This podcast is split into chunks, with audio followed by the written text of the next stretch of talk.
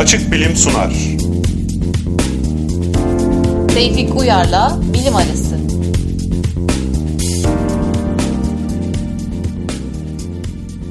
Bu hafta sizlere mucitler tarihindeki elin bir olayı anlatacağım. Topsy'nin ölümü. Topsy, mucit Thomas Edison'un Nikola Tesla'ya açtığı savaşta bir adım öne geçebilmek için infaz ettirdiği filin adıdır. Kan donduran infaz 4 Ocak 1904'te gerçekleşmiştir. Peki ne olmuştur da Edison'un bir filin elektrikle öldürülmesine yol açacak kadar gözü dönmüştür?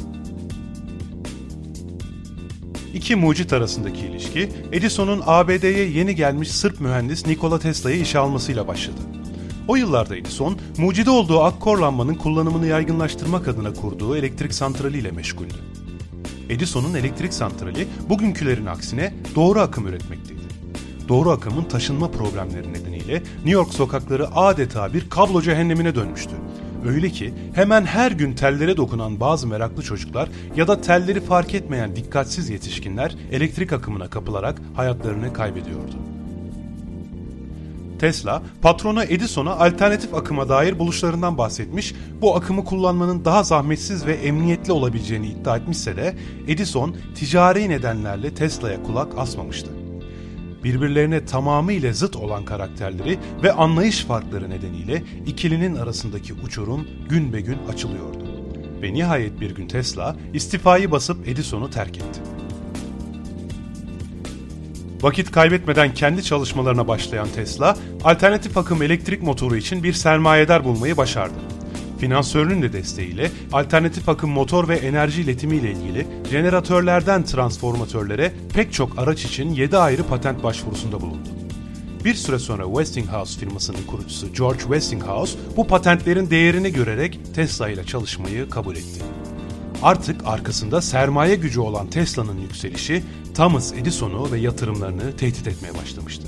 Çünkü gerçekten de doğru akımın ciddi dezavantajları vardı. En basitinden doğru akımın gerilimi doğası gereği kolay değiştirilemiyordu. O dönemde farklı cihazlar farklı gerilimlere sahip olduğundan her tür cihaz için farklı iletim hatları kullanılıyordu. Ki şehri kablo cehennemini çeviren detay buydu. Oysa alternatif akım öyle değildi.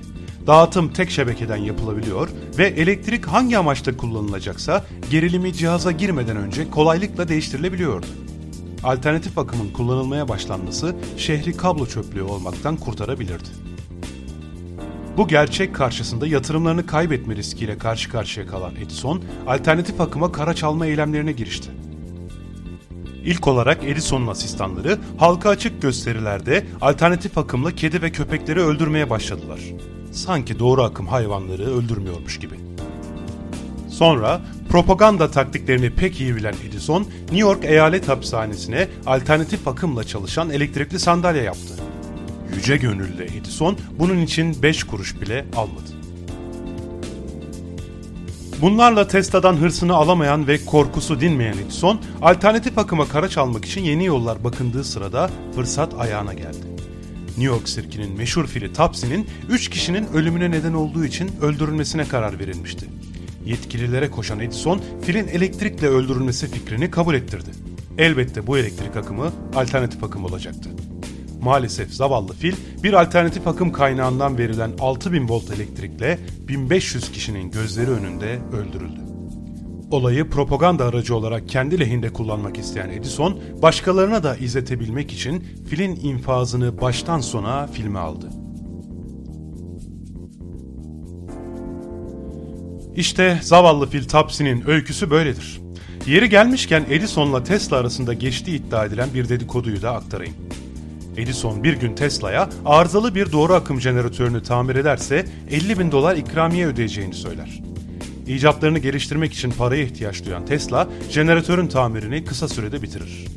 Vaat edilen karşılığını almak için Edison'un karşına çıktığında sükutu hayale uğrar. Çünkü Edison, sen de Amerikan espri anlayışından eser yok Tesla diyerek mucidin haftalık 10 dolar olan maaşını 18 dolara çıkarmakla yetinir. Yazan ve seslendiren Tevfik Uyar. Kurgu ve montaj Kübra Karacan.